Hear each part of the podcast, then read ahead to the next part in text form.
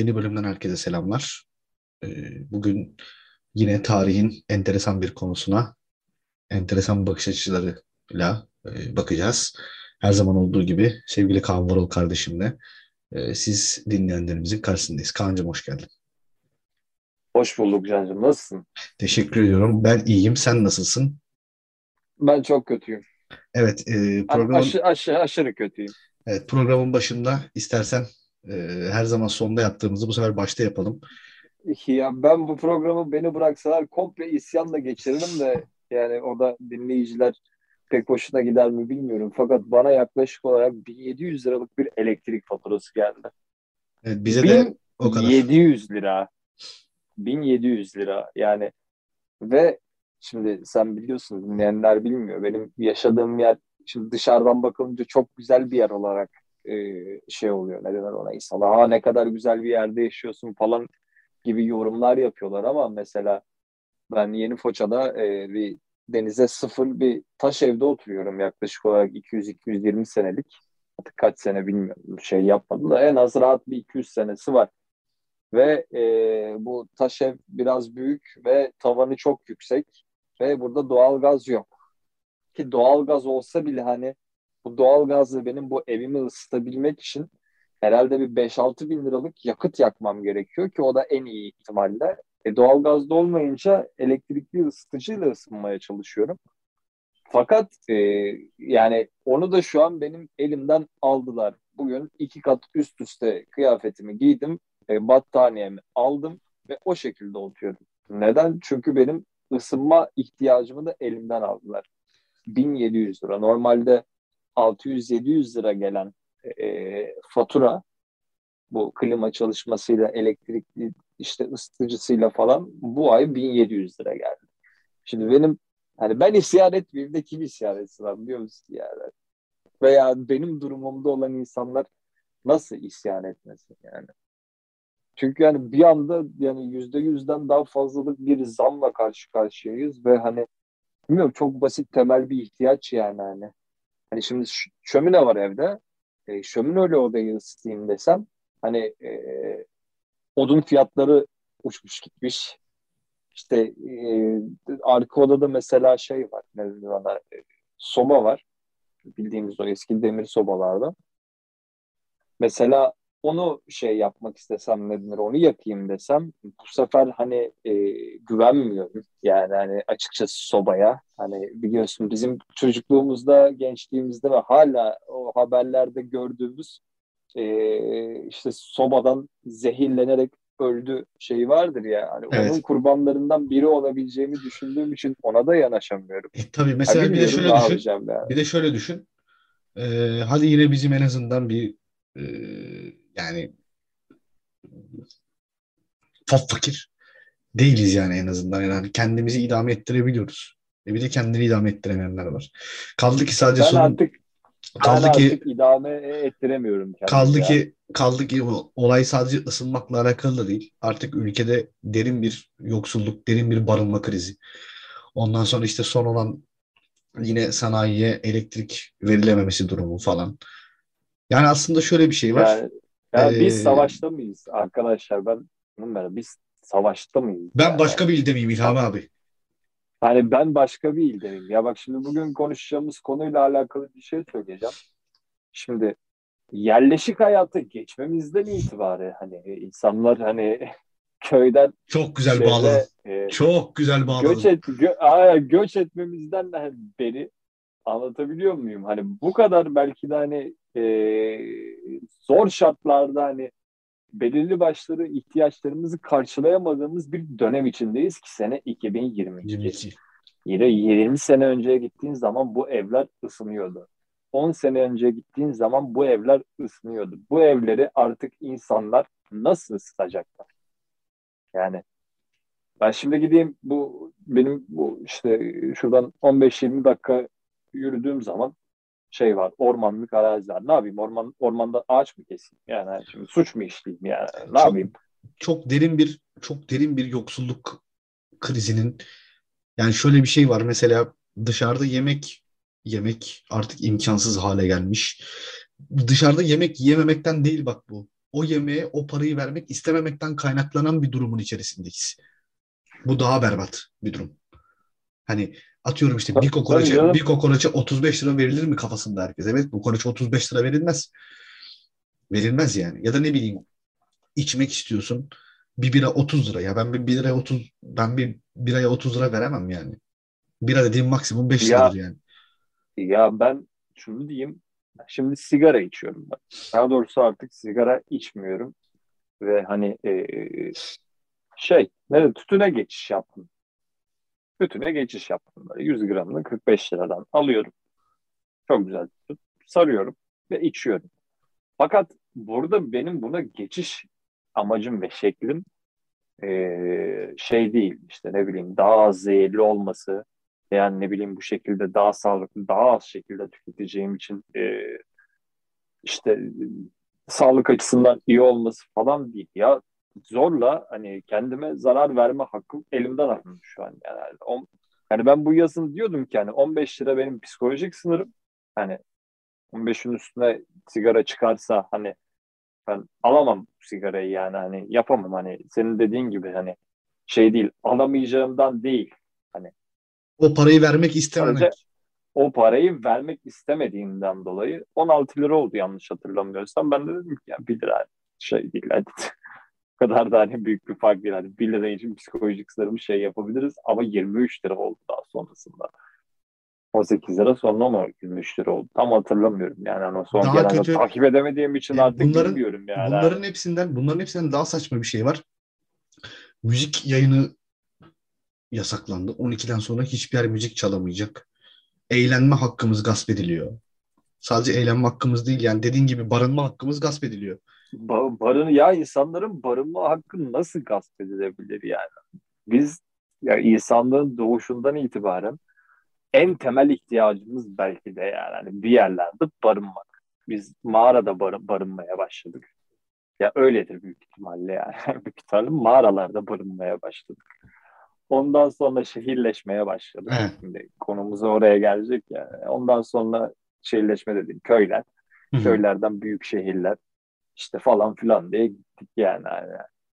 Ve hani şu an insanlar atıyorum ne tersine göçü gerçekleştirebiliyor. Atıyorum şehirden e, köye dönebiliyor. Şimdi şehirden köye dönen insanın yapacağı meslekler sınırlıdır. Neyle uğraşır? Tarımla uğraşır. Hani çok basit. Tarımla uğraşır adam. Şey eğer bir insan tersine göç yapıyorsa eğer şehirden köye geçiş yapıyorsa bu adam ya tarımla uğraşır ya da hayvancılıkla uğraşır. Şimdi bu adam tersine göç yapmak istiyor. Ne tarımla uğraşabiliyor ne hayvancılıkla uğraşabiliyor. Tam tersi bir insan köyden şehire göç etmek istiyor. Orada hani ne bileyim iş imkanlarının daha fazla olmasından dolayı ev bulamıyor. Veya ev bulamaya geç hani salak saçma rakamlar isteniyor. Şimdi bizim göç etme şeyimiz elimizden alındı galiba ya. Hakkımız. Evet. Yani, göç, et, göç etme ev, hakkımız da elimizden alındı. Göç etme hakkımız elimizden alındı ki yani insanlığın yani şimdi ben eğer bugün burada Foça'da oturuyorsam bu bir göçün sonucu anlatabiliyor muyum? Yani Tabii. hani veya en basit tabirle bu bu artık Afrika'dan değilse bütün insanlık ve tüm dünyaya yayıldıysak bu bir göçün sonucu. Yani. Ve göç insanlık tarihinin zaten bir gerçeği yani. Bir gerçeği ve en önemli yapı taşlarından biri yani. Ben bir de genel background'ından gelen bir insanım yani hani. Benim hareket etme kabiliyetim elimden alınıyor düşünsene. Evet. Çingenesin. Anladın mı? Hani daha artık öyle şey değil yani hani öyle e, e, şeylerle yaşam çadırlarda yaşamıyorsun eyvallah. Öyle bir gelenekten kültürden geliyorsun ve göç yapamıyorsun. Hani sana göç ed yani düşünsem mesela 100 yıl düşünsem tamam mı? 100 yıl düşünsem yani şu anki olduğumuz durumla alakalı insanların elinden göç hakkının alınabileceği aklıma bile gelmezdi ya. Böyle bir hakkın olduğundan da var oldu. Şey, göç hakkının yani. kısıtlanabileceği. Evet göç hakkının kısıtlanabileceğinden bile şey değil yani. Çünkü böyle bir hakkımızın var olduğunu bile bilmiyoruz. Ve şu an böyle bir hakkımız yok artık. Yani bu artık tek bir şansımız var. Mesela e, Türkiye'den gitmek isteyen gençler var biliyorsunuz bu yakın tarihte. Evet. E, sos, sosyal medyada bayağı şey oldu. E, olay oldu hani gençler niye yurt dışına çıkıyor? Çünkü abi gençler hani yurt içinde bir yerden bir yere gidemiyor ki. Evet. Hani hani adam bir yerden bir yere gitmiyor. En basit işte seyahat hakkının veya işte göç hakkını kullanarak adam gidiyor işte atıyorum Kanada'ya gidiyor. Niye? Çünkü hani Kanada'da işte belirli başlı hani biliyorsun yani o şeyler hani neden gittiğiyle alakalı. İnsan tamam. olacak çünkü Kanada'da insan muamelesi yani, görecek. Yani, evet insan muamelesi görecek yani bu adam göç ediyor mesela hani bunun beyin geçidi denilen bir kavram var ya evet bunlar var zaten hani bunlar yaşanan şeyler ve hani bu tek bir şansı kaldı artık gençliğin. Hani bulunduğu coğrafyayı terk ederek komple farklı bir coğrafyaya ve kültüre şey yapması. Kendini adapte edebilmesi. O da kendini geliştirenler ve durumu iyi olanlar. Yine ki ekonomik ve sosyoekonomik olarak düşük seviyede kalan bir insan yine bu göçü gerçekleştiremeyecek. Yine her bu şey, göçü gerçekleştiremeyecek. Her şey sınıfsaldır yani. Her şey sınıfsal yani. Yani her şey Şimdi göç tarihine bakalım Cancım. Göç tarihine ya da ilk başta bir şehirleşmeye girelim senle. Şehirleşmeye girmeyelim. Şehir... Bence hiç şehirleşmeye Hı. girmeyip direkt göçten devam edelim biz. Kaan'cığım belli başlı sebepleri vardır. Tarihsel göçlerin. Yani göçün tarihsel arka planında belli başlı sebepleri vardır. Bunlardan bir tanesi yaşanılan yerin ilk yaşamaya başladığın gibi olmayışı. Yani bir verimsizlik. İkinci etken üreyememek. Yani fazla üremek daha doğrusu. Çünkü fazla ürersen barınacak bir yer bulamazsın. Dolayısıyla yeni yurtlar aramak zorunda kalırsın ve göç edersin. Yine aynı şekilde e, göçün bir diğer önemli sebebi fethetme, savaşma arzusu. Ki bunu en önemli e, örneğini Moğollarla işte e, Türk kavimlerinin hareketleriyle falan görebiliyoruz. Bizim de Anadolu'ya gelmemiz bir göç sebebiyle, Roma'nın da yıkılması bir göç sebebiyle, ondan sonra e, Yahudiliğin ortaya çıkışı da bir göç sebebiyle, ondan sonra ne diyebiliriz başka? İşte Amerika'nın kuruluşu da bir göç sebebiyle, İkinci Dünya Savaşı'nın bazı bölgelerindeki bazı sıkıntıların yaşanması yine göç sebebiyle aslında göç bizi biz yapan en önemli tarihsel olgulardan bir tanesi. Tabii biz her zaman yaptığımız gibi yine ilk baştan başlayacağız. Yani e, en eski göçlerimizden bir tanesiyle başlayacağız. Yani insanoğlu senin de biraz önce altını çizdiğin gibi Afrika'dan başladığı yolculuğunda yürüyerek yürüyerek Amerika'ya. Tüm dünyaya yürüyoruz ya. Evet tüm dünyaya. Aslında bu bir başarıdır. Çok büyük bir başarı. Aynen. Yani lokal kalmak, lokal kalamamak insanoğlunun en büyük şeyi diye düşünüyorum. Ee, tutkularından biri diye düşünüyorum.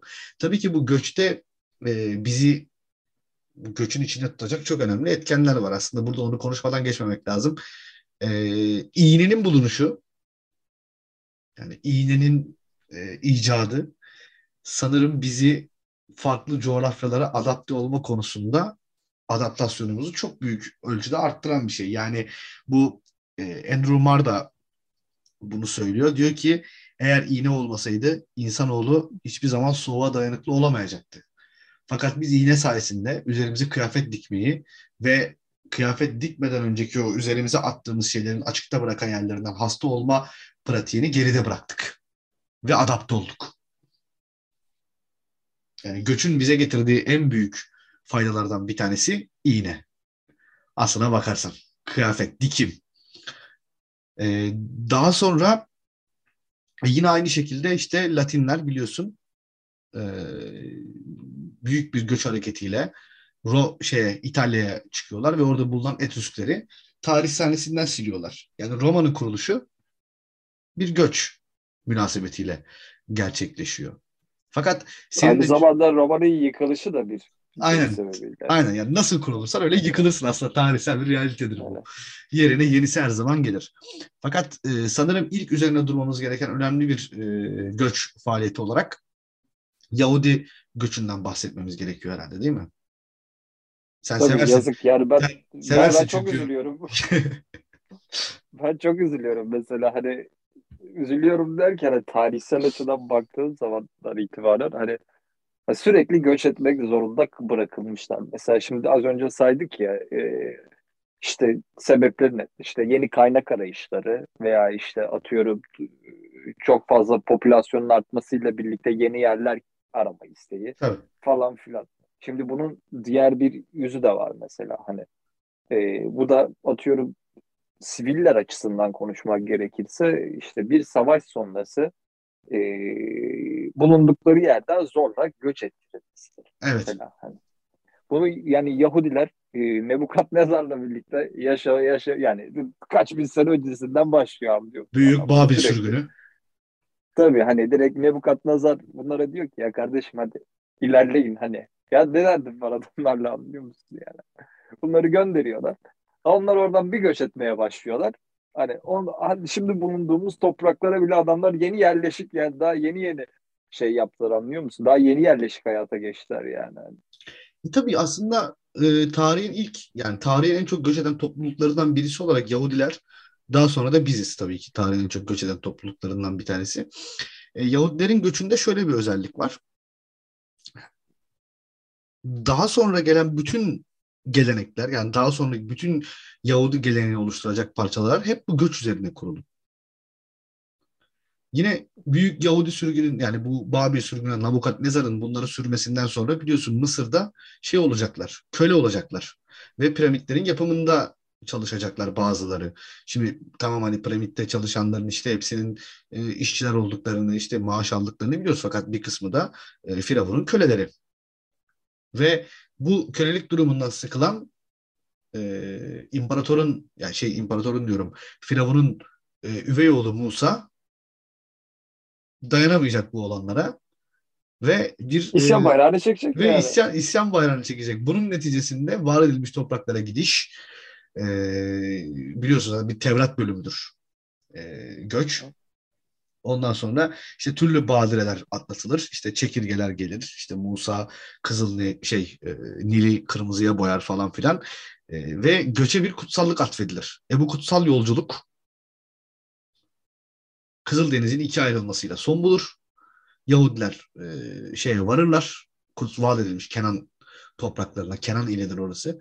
Kenan topraklarına varırlar ve e, göçlerini bu şekilde tamamlarlar. Fakat bu göç onlar için sadece bir başlangıçtır.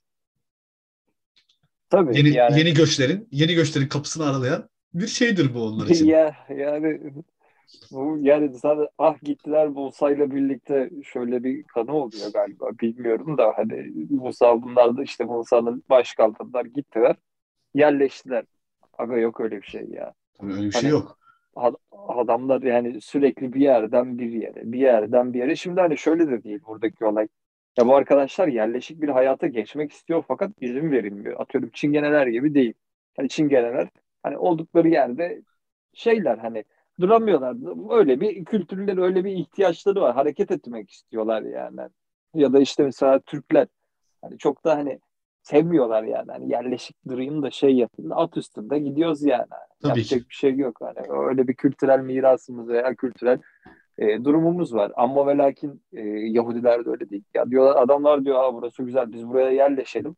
Ya illaki bir olay çıkıyor orada yani. İllaki hani bu yani illaki bir şey çıkıyor anlatabiliyor muyum? Hani yakın tarihte de var atıyorum 2. Dünya Savaşı'na gitmemize gerek yok. Sen çok sevsen de benim o kadar sevemediğim mesela Netflix'te yayınlanan kulüp biliyorsun. Evet. E, kulüpte de mesela bu işleniyor. Hani sürekli bir olay yani sürekli bir olay. Şimdi bu insanlara Fransa'da da zulüm görüyor yani.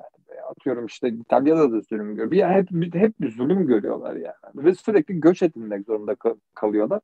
Ki bunların da hani e, bu kadar kutsaliyet atfedilmesinin e, sebebi de mesela budur büyük ihtimalle hani yaptıkları şeyden bir aslında bir savunma mekanizması olarak buna kutsaliyet atfetmek gayet mantıklı bir e, olay. E, tabii yani hani... sonuçta kendi işlerine kapanmaları da yine göçle alakalı bir durum. O kadar göç eden bir topluluk ki artık konservatif bir hal almaları gerekiyor ve daha muhafazakar bir topluluk hali, daha muhafazakar bir topluluk halini alıyor. Mesela bizde göçün çok farklı sonuçları olmuşken onlarda göç çok daha farklı e, noktaları beraberinde getiriyor. Bak yine aynı şekilde mesela diğer yani Yahudi hani tarih boyunca devam ediyor bu. Sonra bir Roma sürgünü var biliyorsun. İşte İspanya'ya ve Avrupa'nın işlerine kadar ilerleyen bir Yahudi şey var.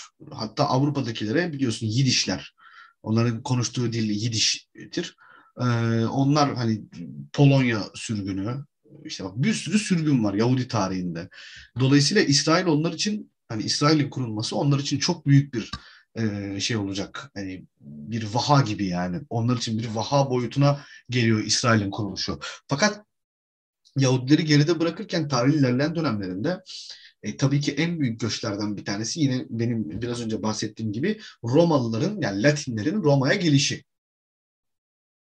İşte Romus ve Romulus önderliğinde işte kurttan o kurdun beslediği iki çocuğun iki kardeşin Roma'yı kurup işte o dünyanın gördüğü belki de bizim de sürekli programlarda referans verdiğimiz en büyük e, imparatorluğu kurmalarıyla sonuçlanıyor bir göç hareketi. Latinlerin işte Ezüsleri dağıtıp orada İtalya'da yeni bir e, yapı oluşturmaları, işte daha önce imparatorluk sonra cumhuriyete dönüyor ve ardından tekrardan e, imparatorluk, dönemi, imparatorluk dönemi başlıyor. Tabii bu imparatorluk dönemi 4. yüzyılda bir kere şuradan başlayayım. Kavimler göçü diye bir şey yoktur.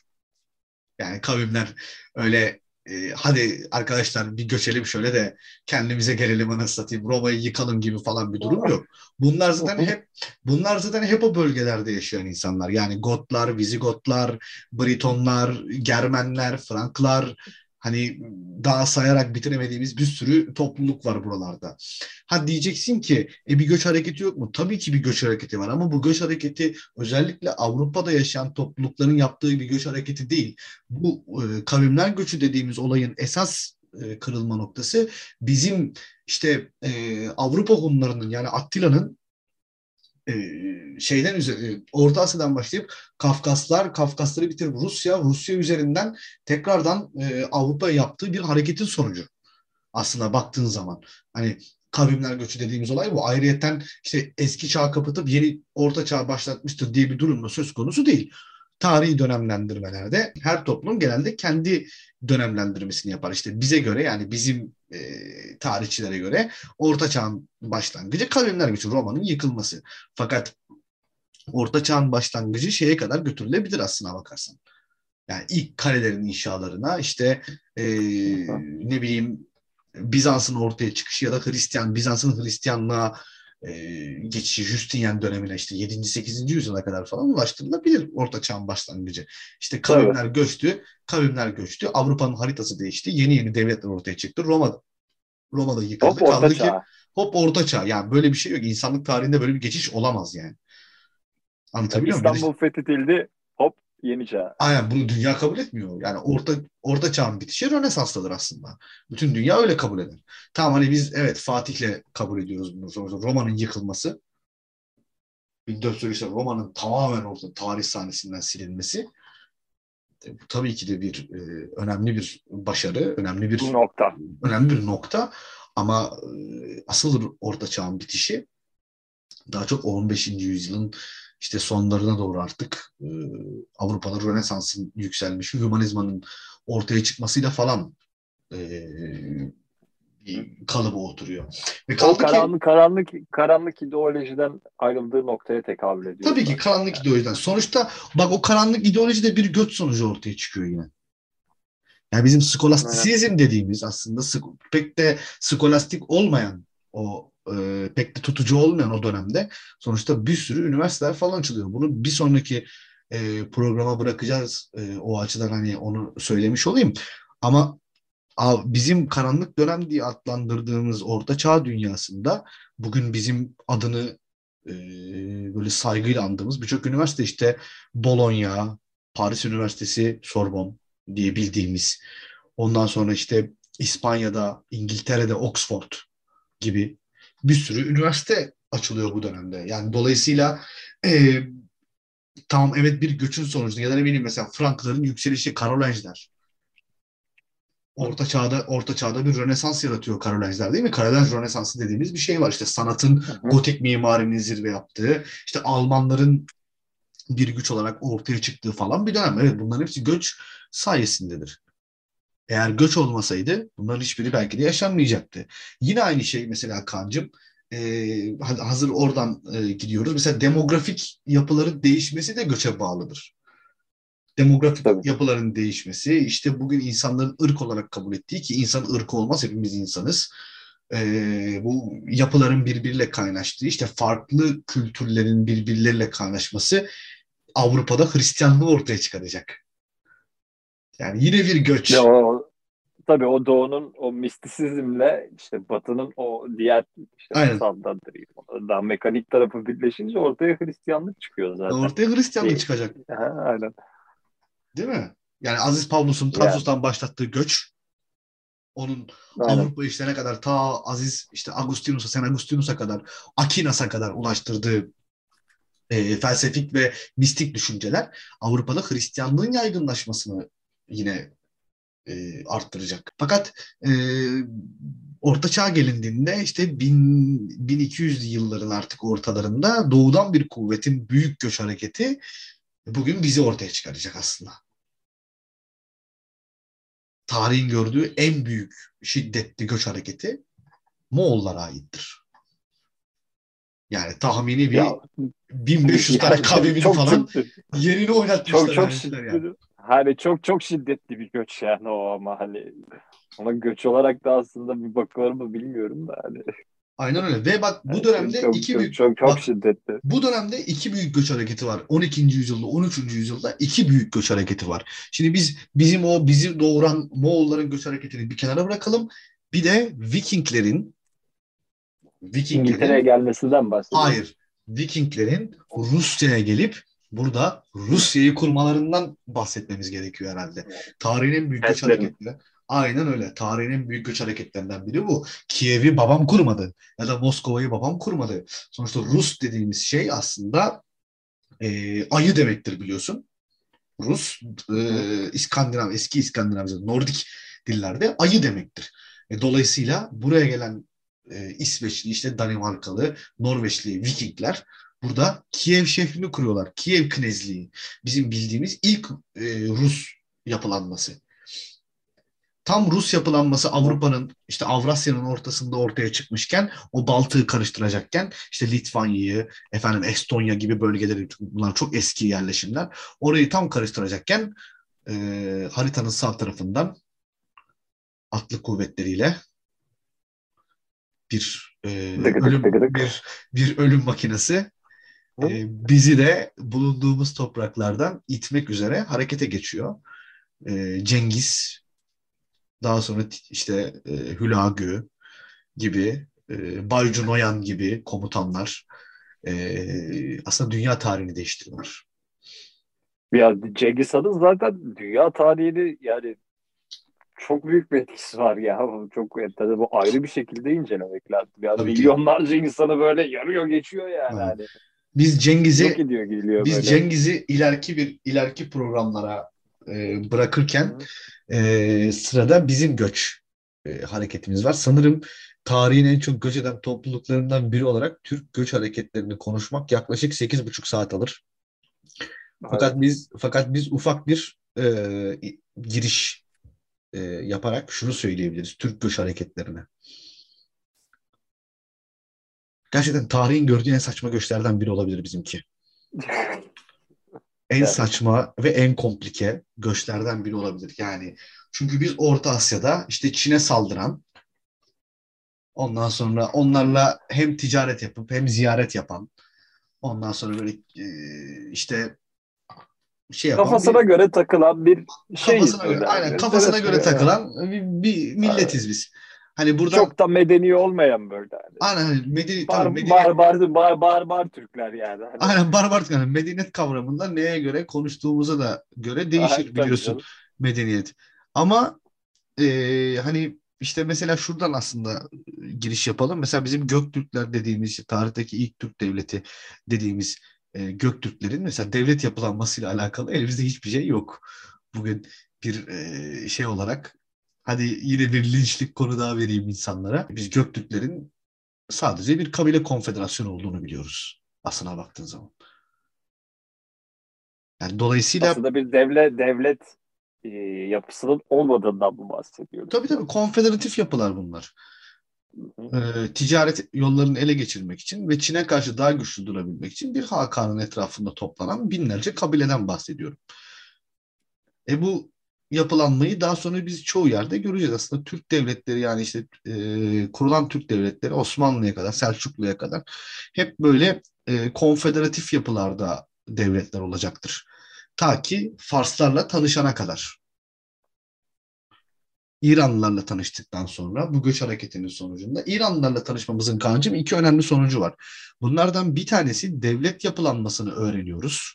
Devlet nedir? İşte nasıl kurulur, nasıl yüceltilir gibi kavramları görüyoruz. İkincisi İslamiyetle tanışıyoruz. Biz İslamiyet'i İranlılardan öğreniyoruz.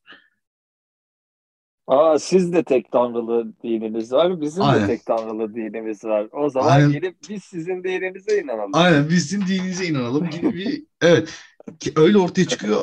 Hadi bu göç hareketlerinin sonucunda is- öğrendiğimiz İslamiyet eee, aslında çok farklı bir İslamiyet yani olduğundan farklı bir İslamiyet'i öğreniyoruz biz. Çünkü biz İslamiyet dediğim gibi İranlardan öğreniyoruz ve İranlılarda bir imamet geleneği var.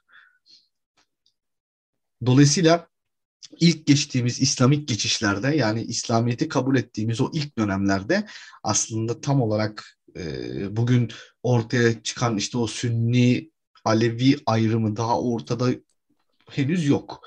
Dolayısıyla biz Araplardan değil de İranlılardan dini öğrendiğimiz için özellikle ilk İranlılar Arap değildir. Bunu da Evet bari. tabii ki İranlar Arap değildir tabii ki onlar yani. Ayrıyeten tabii buna gelene kadar bizim bir sürü biliyorsun geleneğimiz var. İşte Budizm, Tengricilik, Hinduizm, Maniheizm gibi bir sürü daha farklı inanca mensup oluyoruz zaman içerisinde. Ve bunların hepsinin altına yine göç var. Tabii çünkü sürekli yer değiştirdiğimiz için yani hani bir, bir şeye şey yapılmıyor yani. Yani bir şeye bağlı kalamıyoruz yani. Aynen öyle yani sürekli. Aynen öyle sürekli hareket ediyoruz. E bu hareketler bir yerden sonra nerede patlayacaktı? E tabii ki artık 11. 12. yüzyılda biz de kendi devletlerimizi kurmaya başlıyoruz. İşte Karahanlılar, Gazneliler, Selçuklular falan filan vesaire. Bir sürü devlet kuruyoruz. Ve e, aslında bir yandan Fars baskısı, bir yandan da Arap baskısı bizi Anadolu'ya girmek zorunda bırakıyor. Şimdi 1071'de de şöyle bir şey olmuyor yani. Selamünaleyküm Anadolu biz geldik. İşte kapıları açın gibi falan bir durum yok. Biz zaten 11. yüzyılın başından itibaren Anadolu'ya birçok yerde yerleşmiş işte Bizans e, devletinde paralı asker olarak bulun, bulunan artık falan insanlarız yani. Dolayısıyla Anadolu'yu aslında böyle hani yeni keşfettiğimiz bir yer değil bizim. İşte Erzincan üzerinden, Bitlis üzerinden, Van üzerinden Anadolu'ya bir sürü giriş var. Daha Malazgirt'ten çok çok önce. Malazgirt sadece bir e, bu noktada önemli bir başarım sağlıyor ve biz Anadolu'ya yerleşiyoruz. E tabii bizim Anadolu'ya yerleşmemiz de işte bugün aslında bizleri doğuruyor. Biz ilk buraya geldiğimizde buralarda yani daha önce de girişler vardı. Dolayısıyla burada bizim için yeni bir yer değildi. Biz sadece Anadolu'ya artık yer, tam olarak yerleşme e, durumuna geldik yani bu 1071'den sonra. Ve tabii ki burada Moğol baskısı oradan artık birçok kişiyi yani o Orta Asya'da sıkışmış İran'la Araplar arasında ve Moğollar arasında çıkan baksana üçgene İranlılar, Araplar ve Moğollar. Abi kaçacaksın yani. Kaçacaksın yani. Durmayacaksın orada. Yani pek pek de yaşanılabilir bir ortam gibi de değil. Bir de hani mesela bizim Anadolu topraklarımıza yerleştik. Hani içinde bulunduğumuz coğrafyadan bu benim kendi düşüncem. e, sol tarafa yani batıya doğru gidebileceğimiz bir alanda yok. Tabii yok yani. Yani Arkası hani deniz. öyle bir şeyimiz yok. Hani hem arkası deniz hem de hani batı bizi hani çok uzağız batıyla birbirimizden. Hani kabul etmeyecek belli yani. Hani adam ne yapıyor? Vuruk diyor o zaman. Biz kaçtık. Biz burayı alalım, tutalım.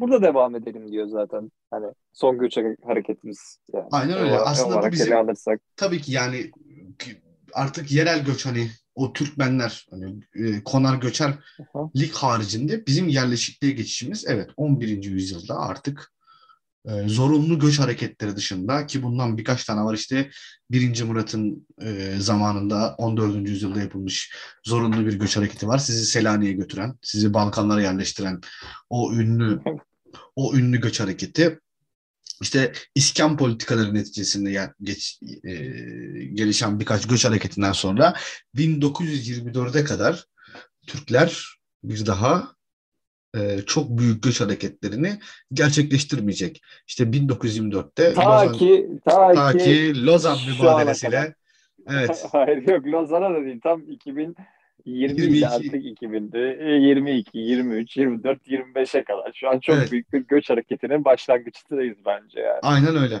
Aynen öyle. Ya aslında tarihsel süreci e, yani böyle evet özetliyoruz hani hala tabii ki 10 16. yüzyılda 17. yüzyılda falan çok büyük göç hareketleri var. Fakat dünya tarihini değiştiren göçlerden bahsettiğimiz için biz sanırım yine aynı noktaya temas etmemiz e, gerekiyor ve tüm yolların Roma'ya çıktığı gibi aslında tüm tarihsel gerçeklerde sanayi devrimine çıkıyor.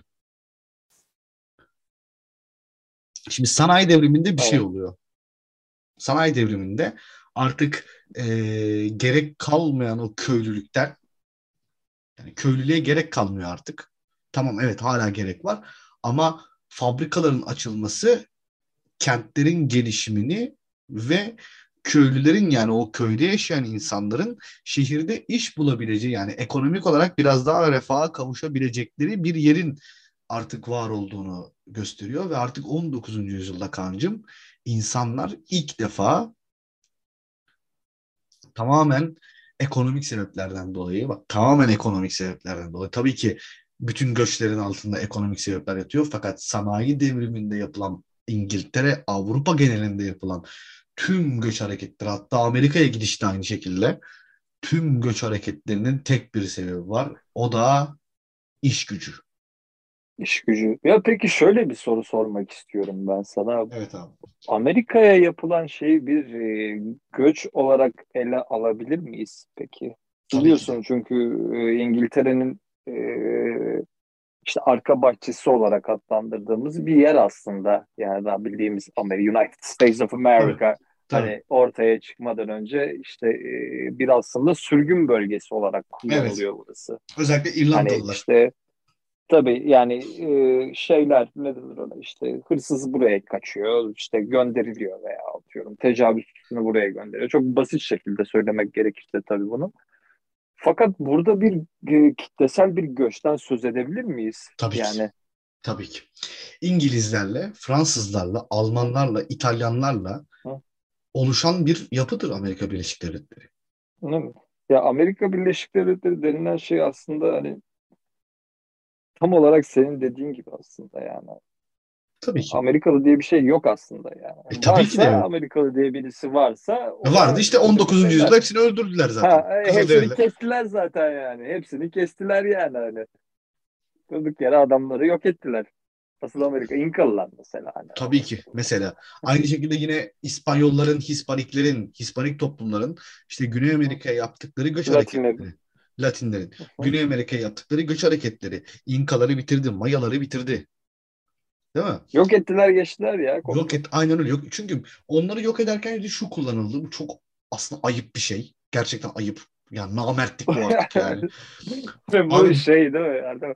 Bu karaktersizliğe giriyor. yani. Aynen abi grip olan adamları insanların arasına soktular. Bu adamlar hayatları boyunca grip olmamışlar. Gripin varlığından haberdar değiller. Değil mi? Ve Ya hepsini şey griple öldürdüler e, ya. Hepsini griple öldürdüler ya bir de mesela insanlar şeye atlıyor. Ee, Şimdi burası daha izole bir toplum olduğu için hani şöyle örnek vermek aslında çok şu örnek çok hoşuma gidiyor benim. İşte yarın öbür gün Cancım tamam mı? Uzaylılar dünyaya geldi. Evet. Düşün. Geldiler selamun aleyküm. Evet, Aleyküm selam. Dünyaya korumasız kıyafetle adım attığı anda o uzaylı ya ölecek ya biz öleceğiz. Yani Aynen. ikisinden biri. Ya o ölecek ya biz öleceğiz. Mesela bunu bilerek kullanıyorlar hani Tabii ki. şeylere karşı. Ne denir? ona? Indianlara karşı. Aynen öyle. Bu çok ayıp. Yani bu şey mesela e, Moğollar mı yapıyordu canım? Moğollar E, tabii ki Anadolu'da özellikle Trabzon kuşatmasında Kafkaslardaki şehirlerin Aynen. büyük çoğunluğunu kalelerin yani o işte şehir kalelerin içerisine vebalları atarak yapıyorlar. Tarihteki ilk, Veballara aynen tarihteki ilk şey kullanımı. Biyo- tabii ilk biyolojik silah kullanımı. Mesela düşünsene yani gaddarlığı. Anlatabiliyor muyum? içeriye adam atıyor. Düşünsene Aynen mancınıktasın canım. Mesela bak bu bizim Böyle çekik gözlü adamlar seni tutup kalenin içine fırlatıyorlar yani. Ya, Kafası kesik. Sadece şeyleri de değil, su kaynaklarını falan da kirletiyorlar. E tabii ki yani şimdi vahşi batı dediğimiz kavram burada ortaya çıkıyor zaten. Buradaki başıboş insanların Amerika'ya gönderilmesi orada bir güç mücadelesine sebep oluyor ve işte bizim bu kovboy aslında kovboy diye bir şey yok işte bunlar yani kovboylar daha sonra Amerikan film endüstrisinin bize kakaladığı şeyler bunlar yani. Kovboy dediğin şey çoban aslında yani. Ki bu çobanlar da o kadar birbirini öldüren falan kesen adamlar da bunların işinde gücünde bizonumu yetiştireyim, koyunumu yetiştireyim, sağıma soluma işte etimi satayım, yürümü satayım kafasında adamlar. Ama e, asıl vahşi batı işte San Francisco civarında altının keşfedilmesi, Kaliforniya'da altının bulunması işte altına hücum dönemi aslında. Bu e, bizim vahşi batı diye nitelendirdiğimiz dönem o dönem. Orada işte tabii bununla alakalı yine e, izlenebilecek en iyi şey The Hateful Eight. Yani orada o vahşi batı vahşi batı kavramının aslında içinin ne kadar boş olduğunu e, Quentin Tarantino çok iyi anlatıyor. O da aslında bir göç hikayesidir biliyorsun. O da bir göç hikayesidir yani. Dolayısıyla e, Amerikan göçüne e, tabii ki de büyük bir göç hareketi diyebiliriz. Sonuçta oradaki demografik yapı değişiyor. Orada yeni bir devlet oluşuyor. Hatta bu devlet eski dünyanın bütün devletlerine karşı çok büyük bir zafer kazanıyor. Boston Tea Party. Boston Tea Party. Tabii ki. Yani İngiltere'yi kovmak öyle her baba yiğidin harcı değil. İşte bunu dünyada İngilizleri kovan Amerikalılar, işte Amerika Birleşik Devletleri'ni kuranlar, Hindistan ve Çinliler bir de biz. Yani öyle İngiltere girdiği yerden kolay kolay çıkmaz. İngiltere istemediği sürece bir yerden çıkmaz Kaan'cığım. Tabii. Çıkartamaz. Güneş batmayan ülke yani. Sülüktür İngiltere. Yapıştı mı orada kalır yani. Fransa. Değil mi? Bunlar çok büyük güç hareketlerini gerçekleştirmiş ve tarihteki çok önemli e, şeyleri vermiş olan topluluklar. Fakat işte bu sanayi devrimi göçü bir e, sınıfsal ikilem yaratıyor. Bu sınıfsal ikilem dünyaya bir e, daha önceki programlarımızda da bahsettiğimiz gibi bir ideoloji olarak geri dönecek. Berlin Kulesi'nde yaşayan bir zat, zatı muhterem, e, sakallı böyle tatlı bir abimiz, e, diğer bıyıklı abimizle beraber ortaya bir şey çıkaracaklar ve dünya tarihi değişecek. Yani komünizmin de aslında ortaya çıkışı yine bir göç e, yani yine bir göç temeline dayanmaktadır. Hani bu da enteresandır. İşte e, köyden kente Le, göçün... le... çok basit şekilde de bakarsın Lenin'in Rusya'ya girmesi gibi yani. Aynen işte. Geri şekilde tersine göç yapıyor. Aynen öyle işte köylülüğün bitmesi, işçi sınıfının ortaya çıkması, işçi sınıfının göç hareketleriyle bazı ekonomik özgürlüklere kavuşamaması ve bu özgürlüklere kavuşmak için verdiği mücadele bugün bizi komünizmle karşılaştırıyor. Yani dolayısıyla aslında dünya tarihini değiştiren en önemli şey göçtür. Dünya tarihi hep göçle dinamik tutulmuştur Kaan'cığım. Fakat Aynen öyle. Fakat e, tabii ki bu e, kötü etkileri de var. Holocaust bir göç sonucudur. Tabii. Yani yani bu buna aslında hani göç göç bile bilmiyorum ben demek istemiyorum gibi yani hani, hani komple yani yani yok olmadan kaçan insanlar yani hani bunlar böyle hani ekonomik sebepler falan da yok ortada yani. Ve kitle olarak o kadar fazla olmadığı için yani kaçabilen çok insan olmadığı için yani hani çok da ne bileyim göç demek içimden gelmiyor yani. Peki. Sonuçta hani kaç milyonaydı? Milyonlarca Yahudi öldürülüyor. Yani milyonlarca için gene de öldürülüyor. Orası ayrı mesela. Şimdi hepimiz Yahudileri konuşuyoruz ama binlerce eşcinsel öldürülüyor yani. Hiç o zaman da hani bunları konuşmuyoruz ama hani Yahudiler yine öldürülüyor. Ondan sonra şimdi bu adamlar bulundukları top şeyde ne denir ona e, bölgede sen bu adamlara mesela işgalci olarak adlandırabiliyorsun ama hani bu adamların yaptıkları şeylerin de bir sebebi var yani. Bir daha gitmek istemiyorlar anlıyor musun? Bir daha göç hareketinde artık bundan sonra ben Yahudilerin göç edeceğini düşünmüyorum artık mesela. Düşün. Düşünmüyorum. Düşünmüyorum yani.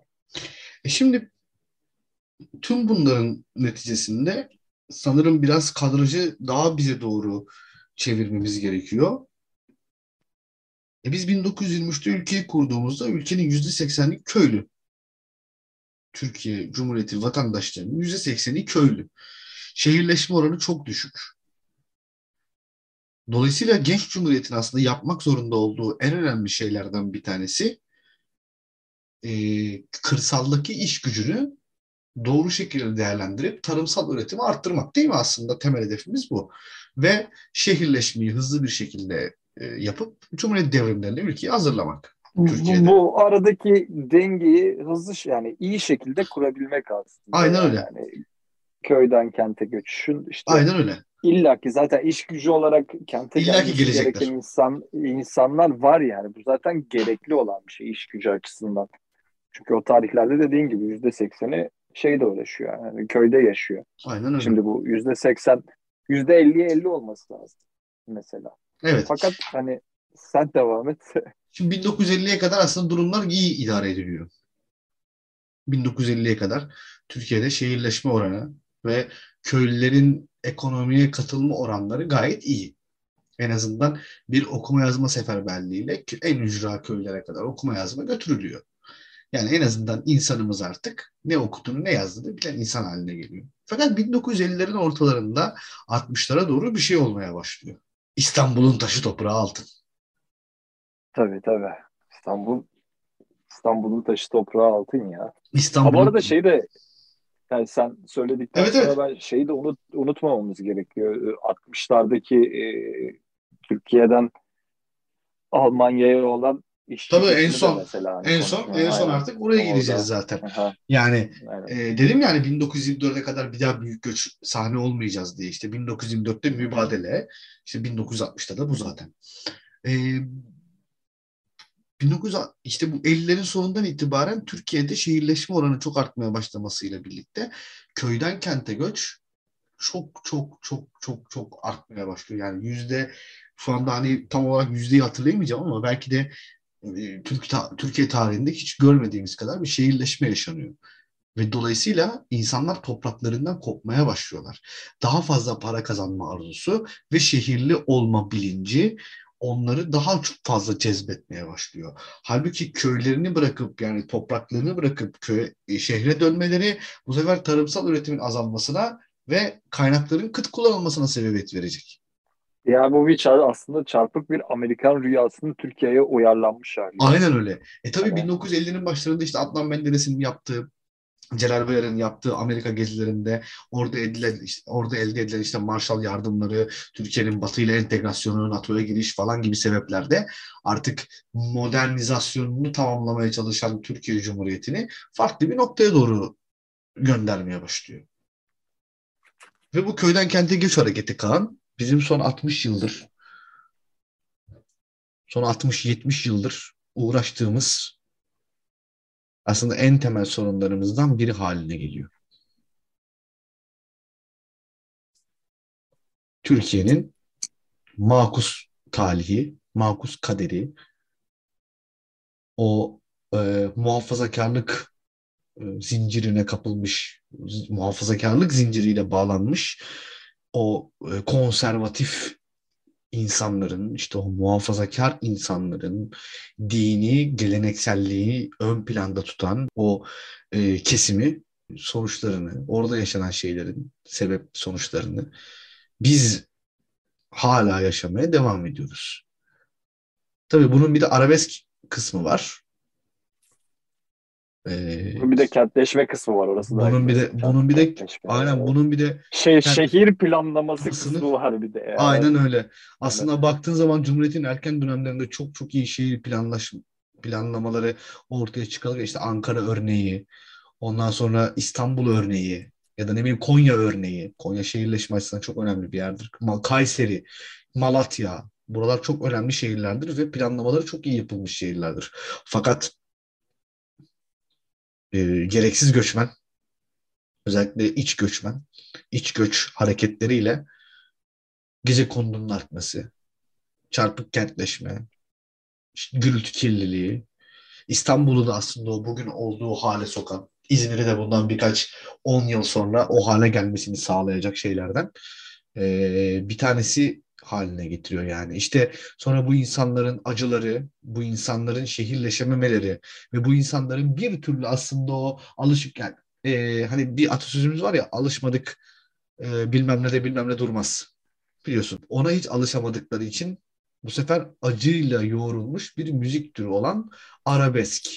ortaya çıkacak. İşte gurbet hasreti, sevgiliye duyulan aşk ya da ne bileyim e, kavuşamamak, kavuşamamak, yalnızlık, işte insanlığın sorgulanması gibi kavramlar çevresinde gelişen, işte bize İbrahim Tatlıses gibi bir fenomeni e, veren, ne bileyim e, Müslüm Gürses gibi bir e, karakterin ortaya çıkmasını sağlayan Orhan Gencebay'ı e, o işte hani kırık Anadolu ezgileri ve elektro bağlamasıyla yaptığı o hani e, acılı ezgileriyle beraber e, bir kültür ortaya çıkaracak. Şehrin içerisinde aslında bir kırsal e, kültür öğesi haline gelecek arabesk. E bunlar da Türkiye Cumhuriyeti'nin bir gerçeği yapacak bir şey yok. Bizim göç hareketlerimiz genelde işte İngiltere'deki gibi tam bir adaptasyondan ziyade daha fazlasıyla bir e, adapte olamayışı. Evet, adapte olamayışı geçirecek. Ve senin dediğin gibi bir de ikinci Türkiye Cumhuriyeti tarihi için önemli göç hareketi Almanya'ya gidiş. Almanya'ya gidiş. Mesela baktığımızda bu aslında dediğimiz şeyleri e, bu işte bizim toplumumuzun bu göç hareketlerindeki aslında uyumsuzluğunu Almanya örneğinden de görebiliriz bence ya. Evet. Çünkü 60'larda 60'larda iş gücünün işte oraya anlaşma anlaşma imzalıyor. Bir şeyler oluyor falan böyle. İş gücünün oraya gittikten sonra orayla kesinlikle uyum sağlayamaması çok ayrı bir olay. Mesela hani. Üçüncü nesile kadar herhangi bir uyum yok. Bak üçüncü Hiç nesile olur. kadar. Yani şu an bile aslında bir uyum olduğu söylenemez. Tabii ki. Hani hani şimdi biz burada yani çok basit bir örnek bu ee, işte konvoy yapılır Türkiye'de. Evet. Konvoy yapılır. Yani evet. nedir? İşte birisi evleneceği zaman, askere gideceği zaman, işte sünnette, işte arabalar arka arkaya geçer. Zat zat zat korna basarak, gürültü kirliliği yaparak bir şeyi kutlaması, selebrasyonu yapılır yani. Fakat e, mesela Almanya, Almanya'nın böyle bir geleneği olduğunu düşünmüyorum ben şahsen. Fakat biz hala buradan üçüncü nesil veya dördüncü nesil veya beşinci nesil neyse e, yeni nesillerin gel yeni nesiller gelmesine rağmen şu an hala biz şeyde nedir ona e, Almanya'da konvoy yapıyoruz. Yani Almanca bilmediğiyle yani, orada 40 yıl yaşayıp evet. Almanca bilmediğiyle övünen Aynen. insanlar var. Evet yani hani bu bir başarı mıdır? Bence bu bir başarıdır fakat hani olumlu bir başarı değildir yani. E, bir insanın olumlu. silahla antrenman yaparken yanlışlıkla kendini omuzundan vurması bir başarı mıdır? Başarıdır. Fakat bu iyi bir şey midir? Bu kesinlikle iyi bir şey değildir yani. Ya bu bir oksimoron evet. aslında. Aynen bu aptalca bir olay ve hani e, dediğin gibi hani 60'larda bu göçten sonra biz oraya da uyum sağlayamıyoruz. Biz belki de içinde bulunduğumuz coğrafyaya da uyum, uyum sağlayamıyoruz. Belki bizim genetik kodumuzda da olan bir şey olabilir yani. Hani yani ve bir de bunu tarihin en çok göç eden topluluğu olarak başarmamız da çok önemli bir e, üzerine çok düşünülmesi gereken bir nokta. Yani biz göçler evet, sayesinde din değiştirmiş, göçler sayesinde işte alfabe değiştirmiş, göçler sayesinde e, devletler kurmuş, göçler sayesinde bir devlet geleneğine sahip olmuş e, bir yapıyız yani. Ama bugün geldiğimiz noktada hala işte şunu konuşuyoruz yani e, Almancılar ya da işte Almancılar hani o şeyle konuşuyorum, jargonla konuşuyorum. Almancılar neden Türkiye'yi cennet olarak görüyorlar? E, görür tabii orada aylık 1500 euro kazanıp burada iki ay sonra ev alabiliyor. Öyle olsa ben de burayı cennet olarak görürüm. Tabii canım bu harika bir yer olarak görüyorum ben burayı. Ama buranın işte o cennet hani e, hangi cennet olduğu konusunda onu uzun tartışabilirim yani. Onu saatlerce tartışırım yani. Çünkü davulun sesi biliyorsun uzaktan hoş gelir. Çok hoş gelir. Uzaktan çok hoş. Tabii uzaktan ben Türkiye'ye baktığım zaman dünyanın en güzel memleketi burası. Tabii. Baktığın zaman dediğin gibi dünyanın en güzel memleketi. Ama içine girdiğin zaman o diyorsun kaos. Kaos. Aslında bunu seve, seve de bilirsin yani. E tabii Diyorlar ki de. yani şey vatandaşı olmasan aslında çok güzel memleket diye yani. Aynen. Yani dolayısıyla yani biz bu evet. Ya biz burada hani şöyle bir örnek verecektim şimdi. Ee, bu şeyde vardı, biyolojide vardı işte. Aslında en güçlü organ değil, en iyi uyum sağlayan hayatta kalır ya. Evet. Şimdi biz müthiş bir müthiş bir biyolojik şeyden geçiyoruz bence şu an yani hani biyolojik bir e, sınavdan geçiyoruz. E, tabii ki. Hani bu sınavın sonunda yani bir nesil, iki nesil, üç nesil, dört nesil, beş nesil fark etmeksizin bu sınavın sonunda hayatta kalacak olanlar bence müthiş yetenekler kazanmış olup dünyadan Antarktika'ya bıraksam hayatta kalabilecek yeni şeyler geliştirecekler yani anlıyor musun yani? Çok zor bir sınavdan geçiyoruz şu an. Hani sadece göç olarak da bakmamak lazım buna da. Bilmiyorum yani hani bu konuyu konuyu konuşurken mesela tarihten örnek verdiğimiz zaman hani e, konuşması kolay oluyor. Fakat mesela şu an içinde Türkiye'nin bulunduğu e, çok şey bir konu da var yani. Hani şimdi 60'larda tamam onu da geçtik. Ondan sonra pek bir göç hareketimiz yok. Hatta ki 2010'lu yılların sonlarına doğru olan bir farklı bir göç hareketi var Can'cığım. İşte evet bu Mesela. sanırım programımızın son başlığı oluyor. Ee...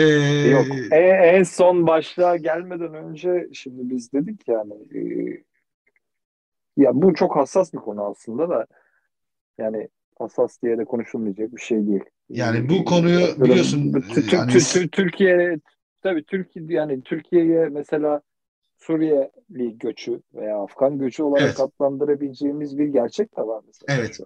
Şimdi biz en başında şunu dedik. Romanın yıkılmasının sebebi tabii ki de tek bir sebebi yok ama en büyük sebeplerinden biri kavimler göçüyle birlikte gelen e, buradaki toplulukların romanın büyük ihtimalle e, dinamiklerine ayak uyduramayıp e, onu bir zaten yıkışa, direkt dinamikleri yıkışa, yıkmaya geliyor zaten. Ha hani e, yıkışa sürüklemesinden bahsediyoruz ve şu an hani bizim yaşadığımız 2022 yılının işte ocağın 24'ünde bizim şu an yaşadığımız şeyin aslında Roma'dan farklı bir yanı olduğunu ben düşünmüyorum şu an. Bu arada 24 Ocak dedin. Öncelikle Uğur Mumcu'yu, sonra Gaffar Ukkan'ı, sonra Tabii. İsmail Cem'i. Bunları önce bir anayım. Fatma Girik de bugün rahmetli evet. oldu. Allah rahmet eylesin. Ee, Allah rahmet eylesin. Onlara ufak bir parantez açayım. Ee, parantezi kapattıktan sonra şunu söyleyeyim. Tarihteki en tehlikeli göç bu olabilir. Yani bir ülkenin başına gel- gelmiş en kötü göç hareketi bu olabilir biliyor musun? Kesinlikle. Çünkü sayı çok fazla ve aynı ve, hani, ve kültürün e, hiçbir aynılığı yok. Hiçbir aynılığı yok ve onu geçtim hani e, yani mantıklı değil. Yani bu göç eden kişi açısından bahsetmiyorum bunu. Göç edilen ülkenin bu konuda tuttuğu tavırla alakalı diye bahsediyorum ben. Evet. Mesela yani bu genetik kodumuza ben komple karşı yerler bence bu. Şimdi nedir? Şimdi köpeğin veya kedinin işediği yer onun alanıdır. Ve ben onun alanını da tamam mı? Eğer taciz edersem veya işte onun alanına girip onu rahatsız edersem bu köpeğin yapabileceği tek bir şey kalır. Saldırmak.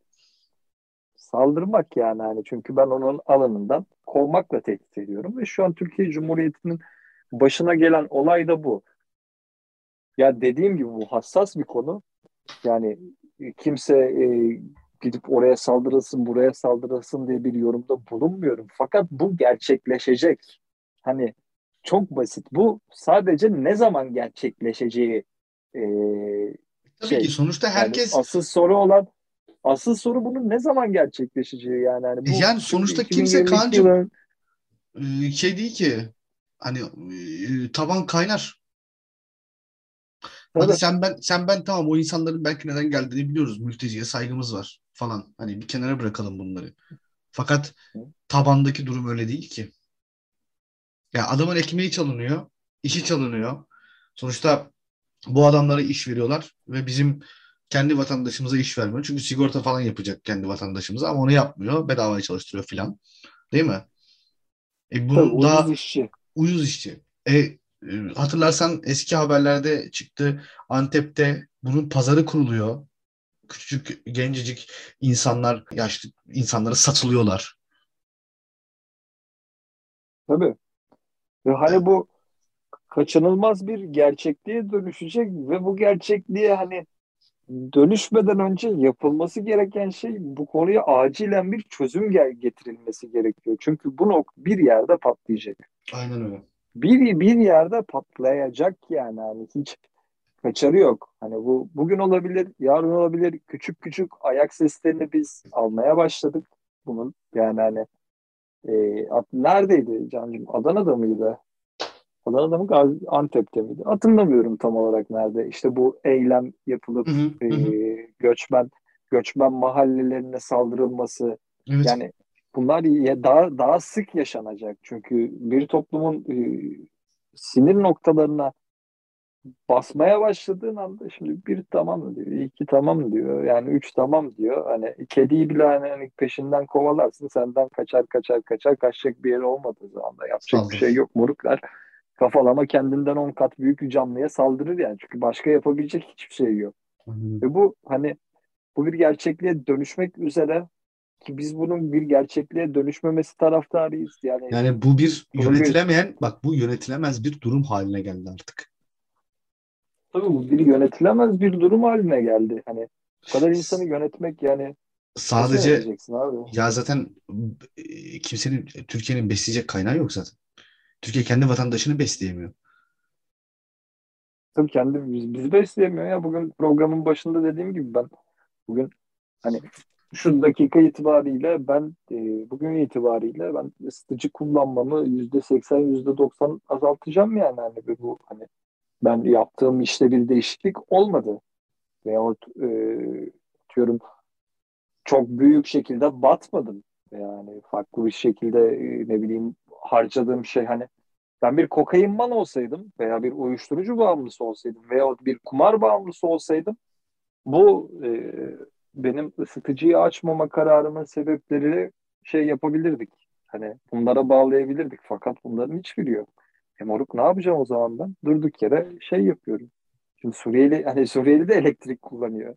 Eyvallah. Tabii ki de. Hani Tabii ki. anlatabiliyor muyum? Veya Suriyeli de hastaneye gidiyor. Lan gitsin zaten gitmesin değil.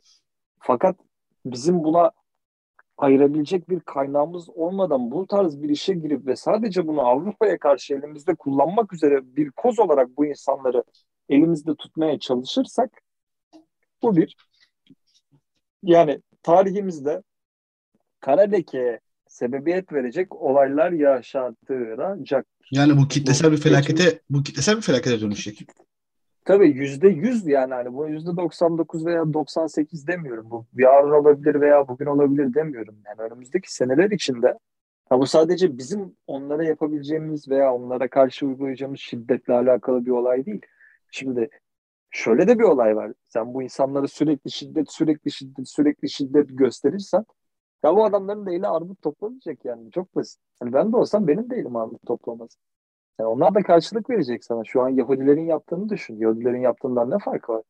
Aynen Yani sistematik sistematik bir şiddete maruz kalınırsa hani bu kontrolsüz göç yani eskiden buna imkan vardı. Kontrolsüz bir şekilde bir yerden bir yere insanlar göç edebilirdi. Çünkü nüfus bu kadar yüksek değildi, bu kadar fazla değildi. Dünyada 9 milyar insan yaşamıyordu, 8 milyar insan yaşamıyordu ve bir şekilde dünyanın kaynakları buna yetebilecek şey, seviyede hani vardı. Adam gidiyor göç ediyor yani çünkü oldu. Arazi boş. Yani bomboş bir arazi orası yani. Varsa içinde oradakini öldürüyordu. Kendi geçiyordu yani. Şimdi bu kadar yüksek nüfuslu, bu kadar değişkenin olduğu toplumlardan bahsediyorsak eğer, ülkelerden bahsediyorsak eğer hani bu da bir sıkıntı. Mesela şey gibi düşün. Ee, Amerika'daki Meksikalıların şey gibi düşün yani orada da bir göç söz konusu. Tabii ki. Fakat bir anda 10 milyon Meksikalı işte veya atıyorum nüfusa 8'de biri 500 milyon işte 50 milyon 50 milyon Meksikalı'nın bir anda Amerika topraklarına giriş yaptığını düşüneceğim. Şimdi hani anlatabiliyor muyum? Bu bir işgaldir. Bir anda düşünsene. Yani Yani bu, bu olaylar yaşanacak. Umarım yaşanmaz. Umarım ben haksızımdır. Yani tek tesellim bu yani. Yani kontrollü bir şekilde artık bu sorunun çözülmesi gerekir. Ve hani işte bak bir göç hareketi farklı bir göç hareketini daha doğuruyor hocam mesela. Aynen Türkiye'de öyle. yaşamak istemeyen insanların farklı bir yere göç etmesi. Şimdi atıyorum benim yaşımda veya benden genç veya benden birkaç yaş büyük olan insanların Avrupa'da bir yere veya Amerika'da bir yere göç etme isteklerinin e, başlıca sebeplerinden biri e, mesela hani Türkiye'de artık yaşamak istememesi. Evet yaşamak istememesi de bu adam niye yaşamak istemiyor şimdi? Evet ekonomik gelirsizliği bilmem ne falan. Ya mesela bunu göç edecek çocuk diyor ki ya kardeşim benim sağlık sigortam yok. Yapamıyorum. Veya işte hani e, sıkıntı var. Ee, şey ben diyecek şeye geç yani gitmek istiyorum. Niye? Çünkü Suriye'ye baktığı zaman veya Afgan'a baktığı zaman sağlık bedava bir sağlık sigortası ona verilmiş oluyor veya barınma açısından kolay şekilde barındığını veya bunların olmasına bir gerek yok. Yani şöyle Kendisinin insan gibi yaşamadığından mülteci şey hakkı, mülteci hakkı, vatandaş hakkını geçtiği anda ülkenin asli vatandaşı elbette ki e, bir yanlış duygular beslemeye devam edecek yani. Bir süre sonra o insanların savaştan mı kaçtığı, nereden kaçtığı o insanların umurunda olmamaya başlayacak. başlayacak. Çünkü e, oradaki nefret sebebi haline gelecekler. Ve asıl zaten bizi korkutan şey de bu. Biz bu insanların buraya neden geldiğini biliyoruz. Tamam bunların hepsine kabulüz. Savaş Ve, çok kötü bir şey. Ama ve sebep sormamaya başlayacağız. Aynen bir süre sonra çünkü. bir süre sonra bir sebebi kalmamaya başlayacak. Çünkü o sebep unutulacak. Çünkü geldikleri yer geldikleri yerlerdeki olaylar Afganistan'ı söylemiyorum. Burası çok başka bir yer. Ee, birçok kötülüğe gebe olacak. Yani her göç iyi şekilde bitmiyor. Tabii canım her göç kesinlikle iyi şekilde Yani arkadaşlar göç etmek isteyen ve imkanı olan varsa etsin. Bunu zaten binlerce bunu binlerce seneden beri yapıyoruz. Bunu bireysel olarak yapabiliriz, kitlesel olarak yapabiliriz. Fark etmez. Kimse sizi veya beni e, burada istemediğiniz sürece e, durmaya zorlayamaz da yani daha o duruma gelmedik belki 5 sene sonra ya da önümüzdeki olaylardan sonra belli olur artık o da. Yani göç edin ya. Zaten milyarlarca senedir yapıyoruz yani. yani bu evet. Çok da hani şey bir olay değil yani. Yapmışız zaten bunu daha önce. Ve ataların da buraya göç etmiş. Gitmiş gelmiş yani. Yapın abi. Yapmak isteyen varsa yapsın. En azından insan gibi yaşarsınız. En azından elektriğe 2000 lira para ödemezsiniz yani. Çok basit. Ee, Kaan'cığım isyan için teşekkür ediyorum. Yine e, bir tarihsel olaya çok da tarihsel olmayan açılardan baktık. Çok iyiydi. Çok güzel bir program oldu. Teşekkür ediyorum. Önümüzdeki programda eğer Silivri'de olmazsak görüşmek üzere diye. Yani en azından sıcak artık yani çok da soğuk olduğunu düşünmüyorum ben. Ha, Benim evimden evet. soğuk değildir moruk. Evet artık yani. soğuk değil o kadar. Benim, Kesinlikle benim, o kadar benim soğuk değil. soğuk değildir yani. İlla ki kalorifer çalışıyordur orada. Yapacak bir şey yok. Bir dahaki programda görüşmek üzere. Kendinize iyi bakın. Görüşmek üzere.